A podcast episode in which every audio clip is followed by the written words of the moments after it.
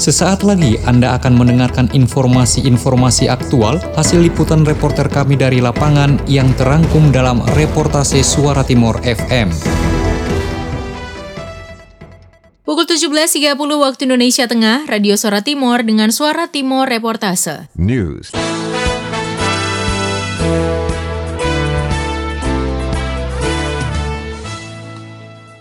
Kita awali dengan reportase tentang Kejati bakal tuntaskan kredit macet di Bank NTT.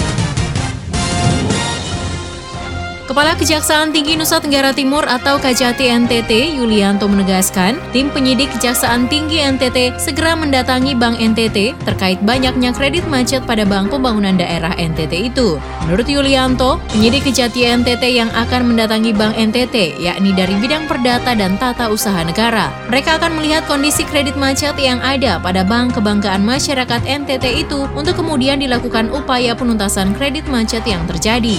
Dia menambahkan, Kejati NTT akan memperbaiki sistem pada Bank NTT sehingga kredit macet yang ada tidak lagi bermasalah. Sebab tujuan utama dari penyidik adalah menyelamatkan keuangan negara dan bukan menghukum banyaknya orang dalam suatu perkara.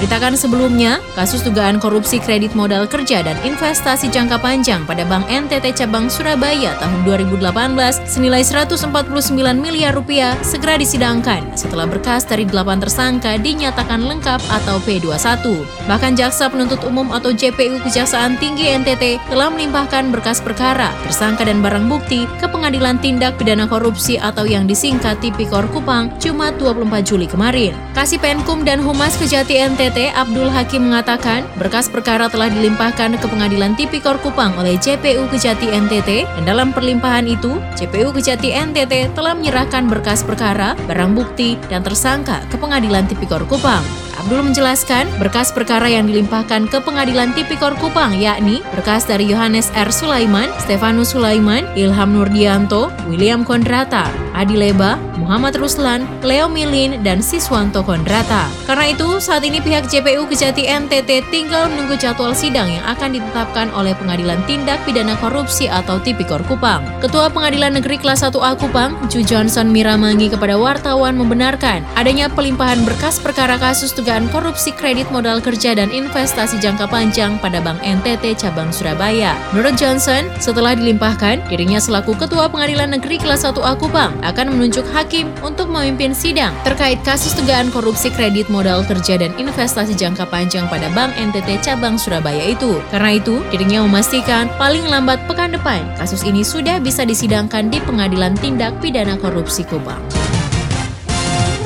Kita beralih ke berita selanjutnya. Delapan warga kota Kupang meninggal akibat DBD. Dinas Kesehatan Kota Kupang menyebut selama Januari hingga Juli 2020 sudah 8 orang warga Kota Kupang meninggal dunia karena terserang penyakit demam berdarah dengue atau yang disingkat DBD. Kepala Dinas Kesehatan Kota Kupang Retnowati mengatakan selain 8 orang meninggal, terdapat 745 kasus DBD yang ditangani petugas kesehatan di berbagai rumah sakit di kota bermotokasi itu. Ia mengatakan masyarakat Kota Kupang perlu mewaspadai adanya serangan penyakit DBD yang saat ini terjadi setiap bulan dengan jumlah kasus yang terus meningkat. Menurut Retnowati, fenomena terjadinya penularan DBD di Kota Kupang sudah tidak seperti sebelumnya, yaitu hanya terjadi pada saat perubahan cuaca. Hal ini merupakan dampak dari perilaku hidup sehat dan bersih yang dilakukan masyarakat, sepertinya kurang menjaga kebersihan lingkungan. Kepala Dinas Kesehatan NTT Dominikus Mingkumere sebelumnya telah mengingatkan para bupati dan wali kota di Bumi Flobamora untuk waspada terhadap penyebaran penyakit demam berdarah dengue yang saat ini telah merenggut nyawa dari 56 orang. Menurut Domi, beberapa daerah yang rawan terjadi kasus TBD di NTT yaitu Kota Kupang, Kabupaten Kupang, Belu, Alor, Lembata, Flotim, Sika, Ende, Manggarai Barat, dan Sumba Barat Daya. Kita beralih ke berita selanjutnya. Tim Satgas COVID-19 Kota Kupang pantau 822 pelaku perjalanan. Juru bicara Satgas Penanganan COVID-19 Kota Kupang, Ernest Luji mengingatkan warga Kota Kupang untuk tetap waspada terhadap penularan COVID-19 melalui transmisi lokal, mengingat tingginya pelaku perjalanan dari daerah merah COVID-19 yang masuk ke Kota Kupang. Menurut dia, hingga saat ini terdapat 9.704 orang pelaku perjalanan yang masuk ke Kota Kupang dan yang sedang dalam pemantauan tim Satgas Penanganan COVID-19 sebanyak 822 orang. Ia mengatakan, kasus positif COVID-19 di Kota Kupang sebanyak 30 29 orang dan yang telah dinyatakan sembuh sebanyak 38 orang dan dua dalam perawatan medis serta satu orang meninggal dunia. Lebih jauh Ernest Luji mengatakan, dua tenaga medis dari Puskesmas Pasir Panjang yang terpapar COVID-19 masih dalam perawatan medis saat ini, tapi kondisi kedua pasien tersebut stabil. Dua orang tenaga medis yang terpapar COVID-19 itu satu orang bertugas sebagai perawat dan seorang lainnya adalah bidan. Beberapa waktu lalu, seorang dokter yang bertugas di Puskesmas Pasir Panjang terkonfirmasi positif COVID-19. Akibatnya, semua tenaga medis yang ada di puskesmas tersebut melakukan swab guna memastikan tidak adanya petugas medis yang positif COVID-19, tapi tetap melaksanakan pelayanan medis kepada masyarakat. Sementara itu berdasarkan data pada Satgas Penanganan COVID-19 Provinsi NTT, bahwa satu orang pasien COVID-19 di Kabupaten Timur Tengah Utara dinyatakan sembuh dari paparan COVID-19. Kasus positif COVID-19 di NTT hingga saat ini tercatat 145 orang dan yang dinyatakan sembuh sebanyak 120 orang, sedang yang dalam perawatan medis terdapat 24 orang dan yang meninggal dunia satu orang. Kita beralih ke berita selanjutnya. Lima kabupaten di NTT belum salurkan dak fisik. Kepala Kantor Wilayah Ditjen Perbendaraan Provinsi NTT, Lydia Kurniawati Kristiana mengatakan, sebanyak lima kabupaten di NTT belum menyalurkan dana alokasi khusus atau DAK fisik untuk kegiatan pembangunan daerah. Lima kabupaten itu masing-masing, Kabupaten Timur Tengah Utara, Sumba Tengah, Sumba Barat Daya, Manggarai Timur, dan Kabupaten Saburai Jua.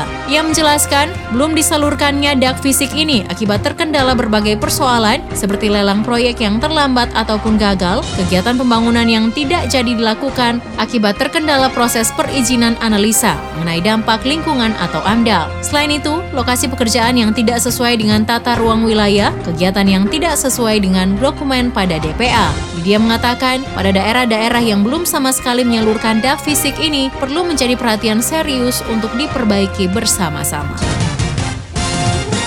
Kita beralih ke berita selanjutnya. Menteri Sekretaris Negara minta bendera merah putih mulai dikibarkan 1 Agustus.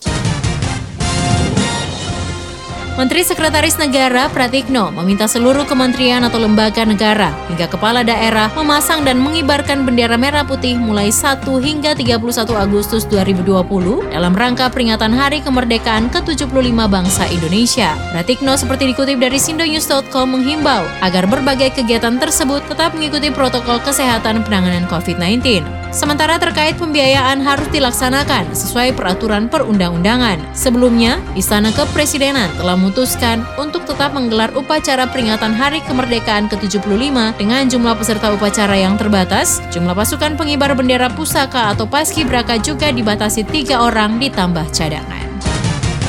Suara Timur Sport. Yamaha kuasai podium MotoGP Andalusia 2020. Tim Yamaha berhasil menyapu bersih balapan MotoGP Andalusia 2020. Pembalap Petronas Yamaha Fabio Quartararo memenangi balapan di susul dua monster Yamaha, Maverick Vinales dan Valentino Rossi. Pada balapan MotoGP seri kedua yang masih dihelat di sirkuit Angel Nieto Jerez malam tadi, Quartararo yang memegang pole tidak tertahankan sejak lap pertama untuk menjaga posisinya itu. Quartararo akhirnya muncul sebagai pemenang di susul Vinales dan Rossi. Vinales dan Rossi terlibat duel di dua lap terakhir untuk merebut posisi runner-up. Valentino Rossi akhirnya finish ketiga di seri MotoGP Andalusia ini. Pembalap 41 tahun ini berhasil kembali naik podium setelah 15 bulan lamanya. Terakhir Rossi naik podium pada 14 April 2019 di MotoGP Amerika Serikat saat ia finish di urutan kedua. Sementara itu dengan tambahan 25 poin, Quartararo kuku di posisi pertama klasemen MotoGP 2020 dengan 50 poin, unggul 10 angka dari Vinales dan posisi kedua dengan 40 poin. Balapan berikutnya dihelat di MotoGP Republik Ceko 9 Agustus. Suara Timur Sport. Juventus juara Liga Italia. Ronaldo dedikasikan gelar untuk korban virus corona.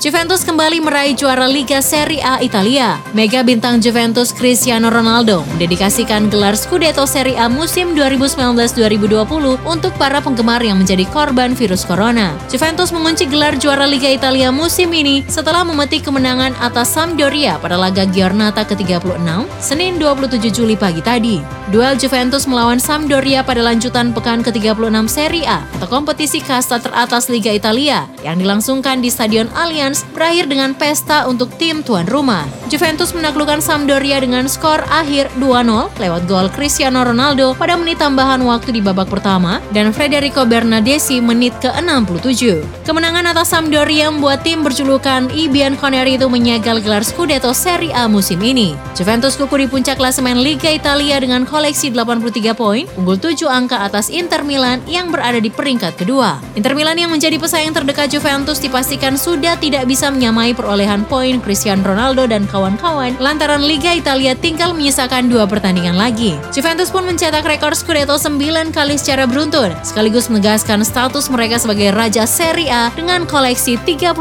gelar juara.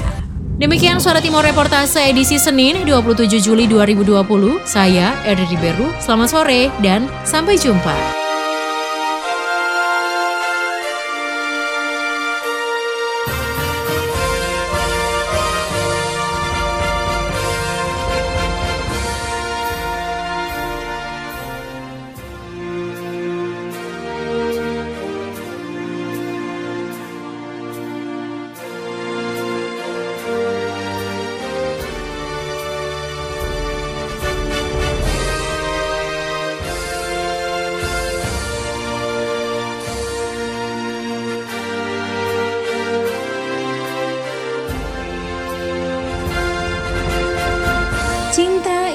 Indonesia. Saya dilahirkan di bumi Indonesia. Saya minum air dari bumi Indonesia. Saya makan dari hasil bumi Indonesia. Saya berpijak di tanah bumi Indonesia karena saya Indonesia.